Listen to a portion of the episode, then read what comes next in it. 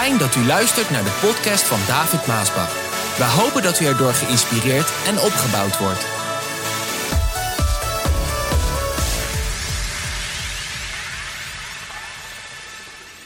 De dag komt. En we lezen uit de Bijbel het schriftwoord van God uit 2 Petrus 3, vers 3 en 4. Luister wat er staat.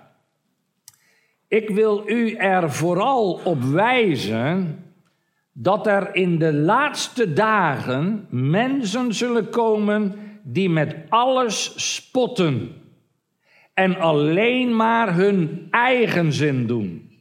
Zij zullen schamper opmerken: er is toch beloofd dat Jezus zou komen. Waar blijft hij dan? Onze voorouders zijn gestorven en er is niets veranderd.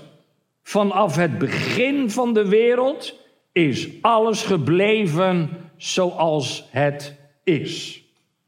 Lieve mensen, de Bijbel zegt dat er in de geschiedenis van de mens een tijd komt dat de laatste dagen heet. En vele mensen in de wereld die geloven dat wij vandaag in die periode, in die tijd leven. En natuurlijk kan niemand dit zeggen. Niemand kan met zekerheid zeggen of wij vandaag in de laatste dagen leven. De Bijbel, die waarschuwt ons echter dat er in die tijd mensen zullen zijn die met alles de draak steken die met alles spotten. Dat wil zeggen, cynische mensen, die zullen dan zeggen: Oh, God is dood.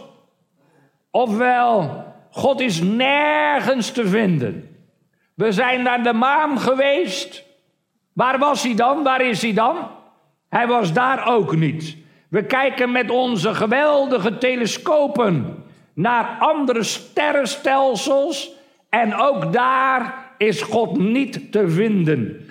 En engelen hebben we ook nog nooit gezien. Nee, God bestaat niet en Jezus is zijn zoon.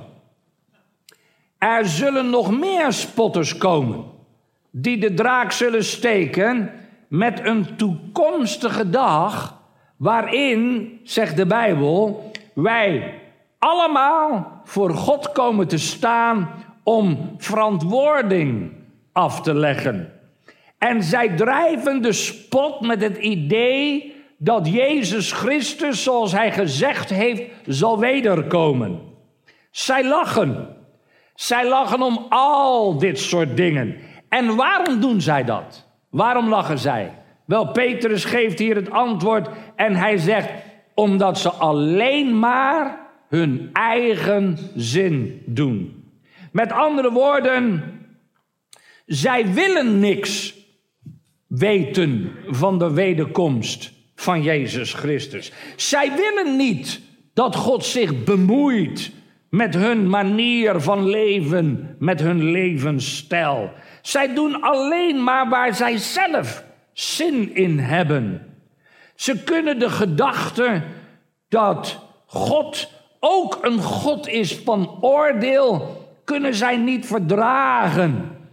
Lieve mensen, hoe vaak heeft u in de afgelopen jaren niet van mij gehoord dat God een goede God is? Dat God liefdevol is. Dat Hij liefde is. Dat Hij van u houdt. Dat Hij u belangrijk en waardevol vindt.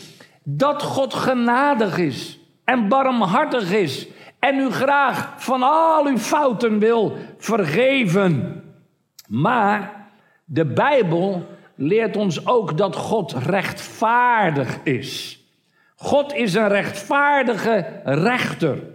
En luister, op de zonde is God altijd boos. Petrus die gaat verder in 2 Petrus 3, vers 5 tot en met 10. Ik ga u lezen wat er in de Bijbel staat. Zij gaan er met opzet aan voorbij dat de hemel en de aarde er vroeger al waren. De aarde was uit het water ontstaan en werd door het water omringd. En dat alles werd bijeengehouden door wat God gezegd had. Maar de wereld van die tijd is door een enorme overstroming, een vloed, ten onder gegaan. En God heeft gezegd dat de tegenwoordige hemel en aarde zorgvuldig bewaard worden voor een enorm vuur op de dag van het grote oordeel. Als alle mensen die niets van God willen weten ten onder zullen gaan. Vrienden, u moet niet vergeten dat voor de Heere één dag als duizend jaar is en duizend jaar als één dag. Sommige mensen denken dat hij, dat God treuzelt, maar dat is niet zo. Hij wacht. Hij wacht alleen met het vervullen van zijn belofte, omdat hij zoveel geduld heeft. Hij wil niet dat er iemand verloren gaat, maar dat alle mensen tot bekering komen. De grote dag van de Heere komt net zo onverwacht als een dief. Dan zal de hemel met vreselijk lawaai vergaan. De elementen zullen door vuur worden verteerd. En de aarde zal bloot komen te liggen en alles wat erop gebeurd is, zal aan het licht komen. Lieve mensen, Petrus, die wijst ons hier op iets wat vanaf Genesis in de Bijbel, het eerste boek in de Bijbel, tot Openbaring, het laatste boek in de Bijbel, aan ons wordt gezegd. Namelijk, er komt een dag waarop wij allemaal rekenschap moeten afleggen aan de levende God. Alle mensen zullen op zekere dag voor God komen te staan, zegt de Bijbel. En dat ik vandaag hier iets over zeg, over het laatste der dagen, of anderen zouden het misschien noemen de eindtijd, dan moet u niet nu opeens het vreemd vinden dat ik iets vreemds zeg alsof ik een vreemde pias ben. Nee, mensen, want velen gaan massaal vandaag naar de film die over de eindtijd gaat. Die over de laatste dagen gaan. Er worden talloze boeken geschreven vandaag en gelezen over de eindtijd. Het woord Armageddon passeert regelmatig de revue. En in alle films en al die boeken en lectuur is er sprake van het einde van de mensheid en het einde van deze wereld. Nou, vele wetenschappers die zijn vandaag heel erg somber over de vraag of de wereld het nog wel zo lang kan uithouden. Hoeveel van die vraaggesprekken zien we niet op de televisie? Met al die kernwapens die wij vandaag in de wereld hebben, die de mens wel in één dag kunnen vernietigen. Of misschien zelfs wel in een uur of in een minuut, wie zal het zeggen? Vele mensen zijn vandaag pessimistisch als ze de toestand van de wereld zien. De jongere generatie, die wil ontzettend graag deze wereld veranderen. Op zichzelf een nobel streven natuurlijk. Maar zij stuiten altijd maar weer op datzelfde probleem. De natuur van de mens. Het hart van de mens. Jaloezie, hebzucht, haat.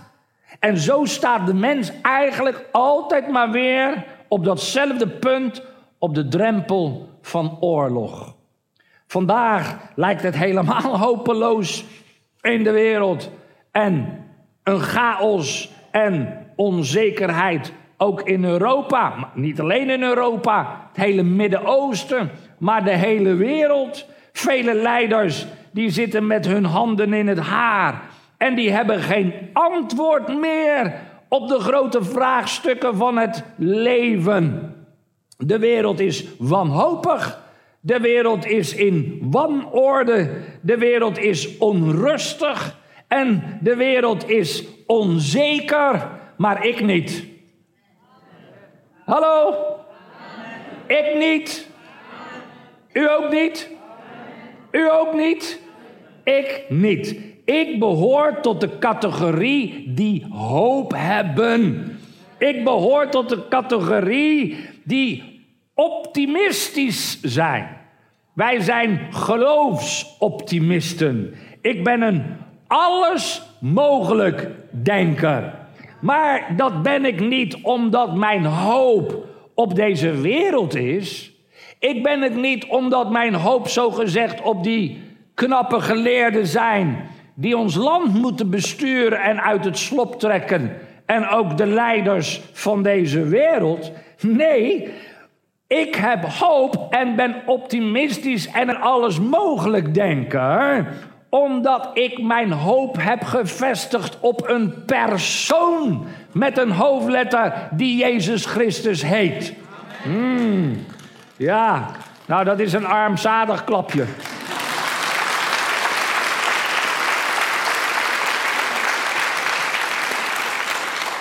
De Bijbel zegt dat Jezus Christus zal terugkeren om een eind te maken aan al het onrecht in de wereld. Jezus Christus is onze hoop. En hij heeft gesproken over de tijd dat hij zou wederkomen. Dit is wat Jezus zei in Matthäus 24, vers 37. Ik ga het u voorlezen. De woorden van Jezus. Hij heeft gezegd: Als ik terugkom, zal het net zo zijn als in de dagen van Noach. In die tijd, voor de grote vloed, voor die grote overstroming waar we net ook over spraken, ging alles gewoon door. Men at, men dronk, men trouwde, tot het moment dat Noach de ark inging. De mensen merkten niets tot de grote vloed kwam en hen allen wegnam. Als ik kom, zegt Jezus, zal het net zo gaan. Dan zullen er twee mannen samen op het veld werken. De een zal worden meegenomen en de ander achterblijven. Twee vrouwen zullen bezig zijn het koren te malen. Dat was natuurlijk taal van die tijd, hè? Aan de arbeid zijn bedoelt Jezus. De een zal worden meegenomen en de ander achterblijven. Luister wat Jezus zegt. Wees er dus altijd klaar voor. Want je weet niet wanneer ik, jullie heren, terugkom. Wat een woorden. Als ik terugkom, zal het net zo zijn als in de dagen van Noach. En het ging allemaal maar door. Eten, drinken, trouwen, kinderen krijgen. En weer hetzelfde. Met andere woorden zegt Jezus hier, zoals men voor de grote zondvloed leefde, zo zal men ook leven als ik terugkom. Zo zullen de mensen ook leven als Jezus Christus terugkomt. Wat er geweest is, zal er weer zijn. Dat wil zeggen, wanneer de levenswijze van voor de grote zondvloed in de geschiedenis van de mens zich herhaalt, dan zal het einde niet ver weg zijn. Dat zijn de woorden van Jezus. Zoals het was, zo zal het weer zijn. En als u wil weten hoe het was voor de grote zondvloed, Lees dan maar uw Bijbel in de hoofdstukken 4, 5 en 6 van het boek Genesis. En daar kan u precies lezen hoe het was voor de grote zondvloed. Om te beginnen nam in die tijd voor de grote zondvloed nam de kennis zeer toe. Daniel, die zegt in Daniel 12, vers 4, dat een van de voortekenen van de eindtijd is als de kennis en de wetenschap zich in rap tempo zich zal vermeerderen. Hij zegt eigenlijk Velen zullen dan onderzoek doen en er zich in verdiepen. En men zal daardoor meer inzicht in zaken krijgen. Wel, dat dit de afgelopen honderd jaar gebeurd is, kan niemand ontkennen. Wat een onderzoek heeft men verricht, heeft men zich verdiept en waar ze allemaal achter zijn gekomen. De auto. Kan je het voorstellen? 100 jaar geleden, mensenlief, zat je misschien nog. Nou, je had misschien nog geen auto, ik weet niet precies het jaar meer. Of dat tuf dingetje. En nu is het zoeven. Met navigatie, met radio. En alles en nog wat zit er in de airco, elektrische ramen. Ongelooflijk. Het vliegtuig. Eerst nog zo'n kort vluchtje, toen die propeller, toen straaljager. En nu zitten we al in die space stations. Ongelooflijk toch? De computer, de radio, de droger. Hallo. De wasmachine. Dat is, dat is een, een geweldige uitvinding. Ik bedoel, Regina doet alles in de was. Drukt op een paar knoppen. En na zoveel tijd is het klaar. Dan gaat het droger in, drukt op een paar knoppen en na zoveel tijd is het klaar. En dan komt ze met de strijkijzer eroverheen. Maar ik kan nog de tijd herinneren, mama. Toen was er nog geen wasmachine. U was aan het wassen. En dan hadden we in, ik geloof dat het de tuin was of, of ergens in een. Uh, ik dacht dat het de tuin was, een grote wringer. En dan ging alles door de wringer heen. Dat kennen jullie niet meer, jonge generatie. Ken dat helemaal niet meer. Die, die denkt, waar praat je over? En dan werd het uitgeklopt en opgehangen. Droge bestond nog helemaal niet. En ik weet ook nog, toen was ik wel heel klein, een strijkijzer die stond op de kachel. Een, zwaar ding. Een zwaar ding stond op de kachel. Hallo. Kernenergie. De maan. Enzovoort, enzovoort. Allemaal van de afgelopen honderd jaar. En het gaat, het versnelt zich, het vermeerdert zich, de kennis in rap tempo. Het gaat vandaag zo snel met je mobieltjes en, en ook ongelooflijk. Het is ongelooflijk.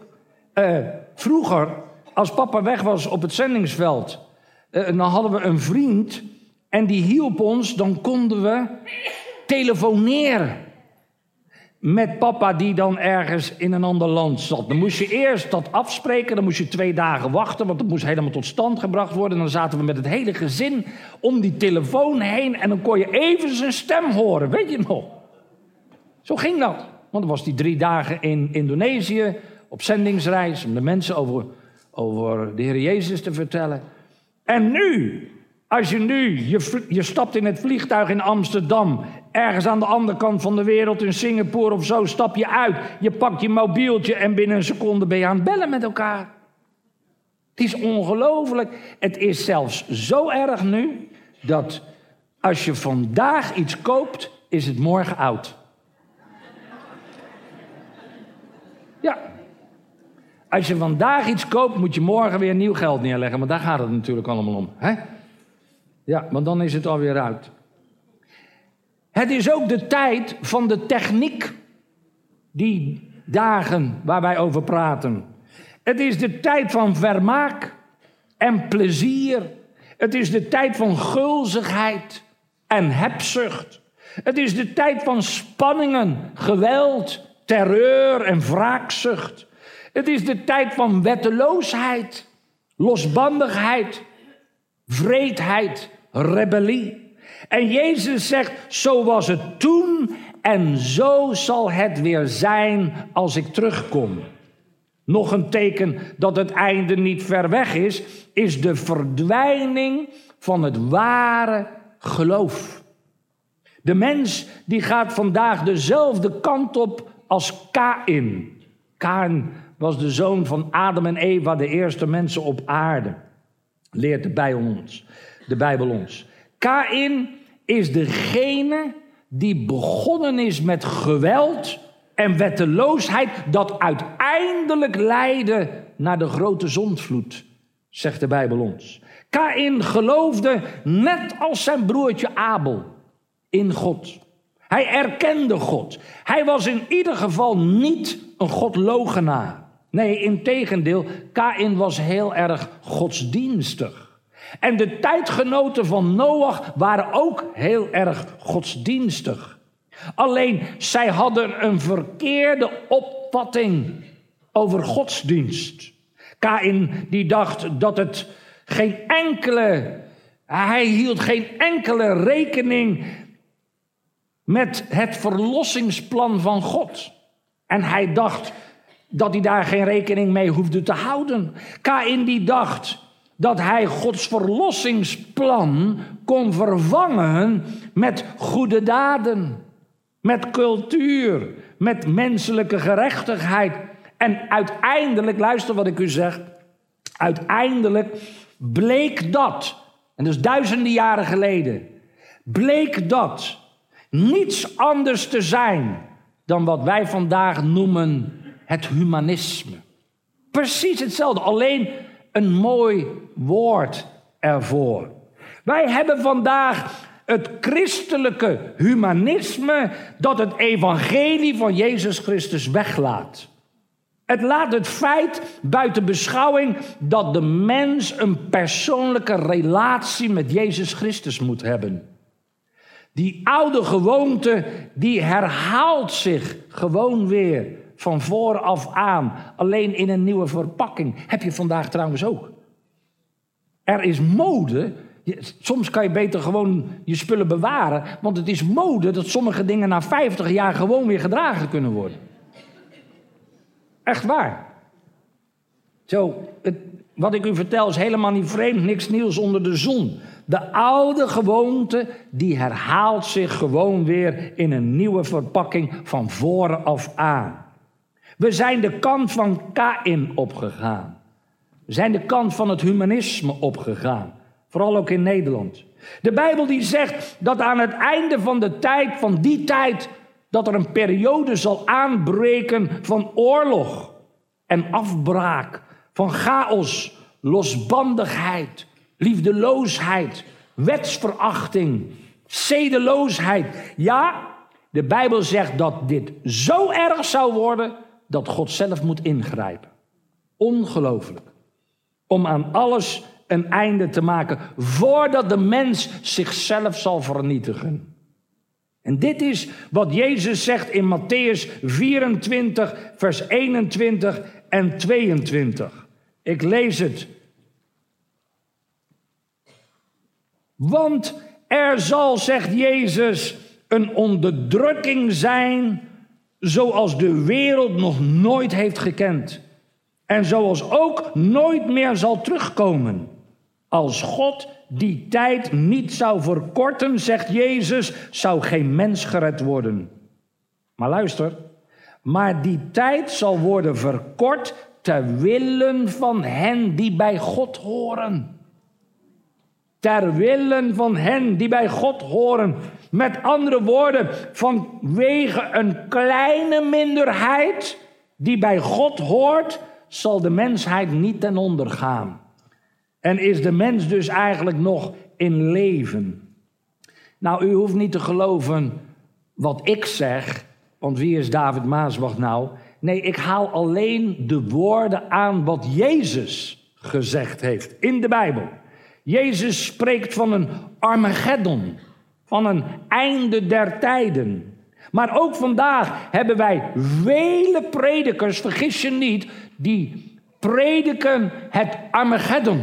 Het, het einde der tijden. En dat zijn niet de dominees en niet de predikanten en niet de priesters. Nee, het zijn de wetenschappers en de natuurkundigen die vandaag onze profeten zijn. en ons vertellen over het einde der tijden. De dominee, de priester, de predikant op de kansel, die zwijgt over het einde der tijden. En velen die geloven er zelfs niet eens meer in dat deze wereld naar een einde toe gaat. Dat Jezus Christus zal wederkomen. Dat er een dag is dat wij voor God verantwoording moeten afleggen. Velen geloven zelfs niet in. Maar de Bijbel staat er vol van. En de woorden van Jezus zijn vaak ook daarover gegaan. En dat is de reden dat ik er ook vandaag wel over wil spreken. Eén, om u te waarschuwen. Twee, om u de weg te wijzen. Tussen al die mensen die in die oude tijd, voor die grote vloed, die overstroming leefden, was er ook, zegt de Bijbel, een man die in God geloofde. En die met God wandelde. En zijn naam was Noach. Prachtig verhaal, Noach. Noach die durfde alleen te staan.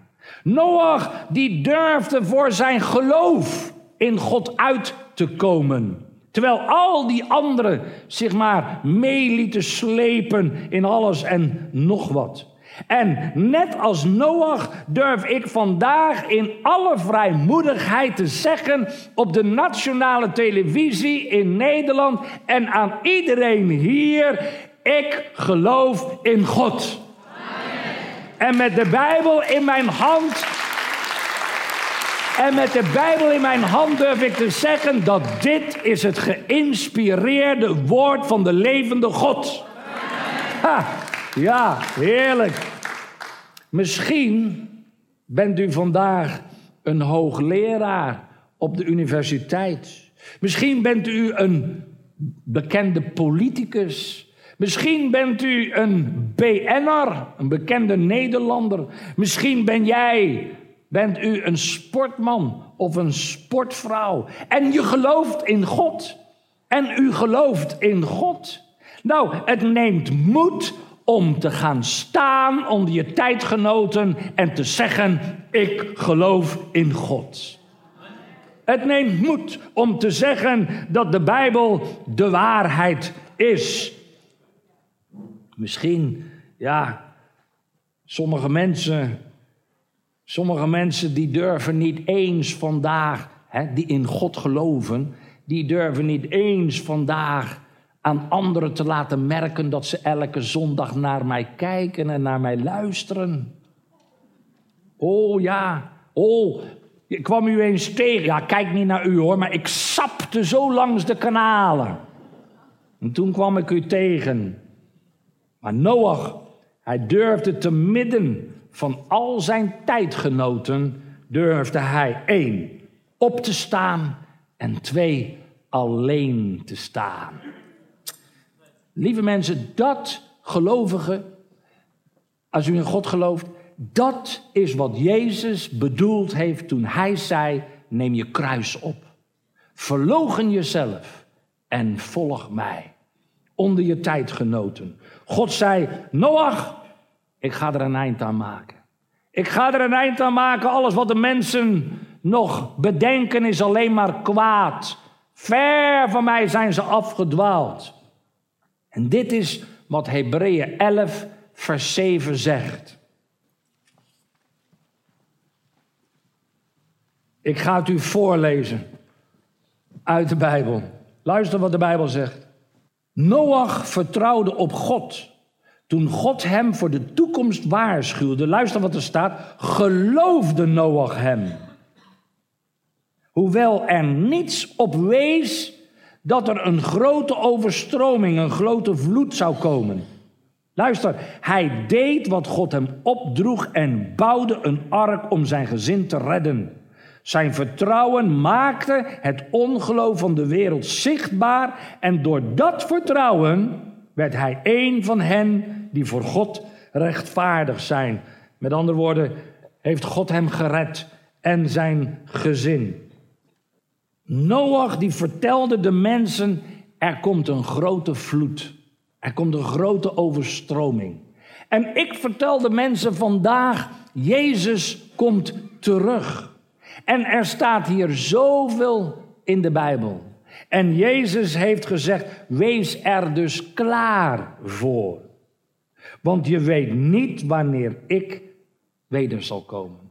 Vraag: Bent u gereed voor die dag? Bent u bereid om God te ontmoeten? Als u nee zegt en u zegt: David, dat ben ik niet, dan kunt u zich voorbereiden. Dat kan door één berouw te hebben van je zonden. En twee, Jezus Christus aan te nemen als je redder en als je verlosser. Berouw hebben, dat wil zeggen, ik ben bereid om met mijn zonde te berekenen. Ik ben bereid om mijn levenswijze te veranderen. En Jezus Christus aannemen als je redder en verlosser, dat wil zeggen, ik vertrouw niet op mijn eigen werken. Voor mijn redding, ik vertrouw niet op mijn doop. Ik vertrouw niet op mijn beleidenis. Ik vertrouw niet op mijn kerklidmaatschap. Nee, ik vertrouw op Jezus Christus, die voor mij gestorven is om mij eeuwig leven te geven. Als u nou zo'n persoon bent en u zegt, David, dat wil ik, dan gaan we samen bidden. En het is zo eenvoudig in een oprecht gebed mag u bidden. En ik wil vragen of u hier mijn naam wil zeggen met degene die dit allemaal willen. Wie u ook bent, waar u ook bent en wat u ook gedaan hebt. Zeg maar, Vader in de hemel. Ik dank u vandaag voor uw liefde en genade. En ik heb spijt van mijn fouten. En ik heb berouw van mijn zonden. En ik vraag u om vergeving. Vergeef mij al mijn zonden en red mijn ziel. Ik open mijn hart voor u, Heer Jezus. Kom in mijn leven. Kom in mijn hart. Kom in mijn denken. En ik dank u dat ik dit mag geloven en nu ook mag aannemen. In Jezus' naam. Amen.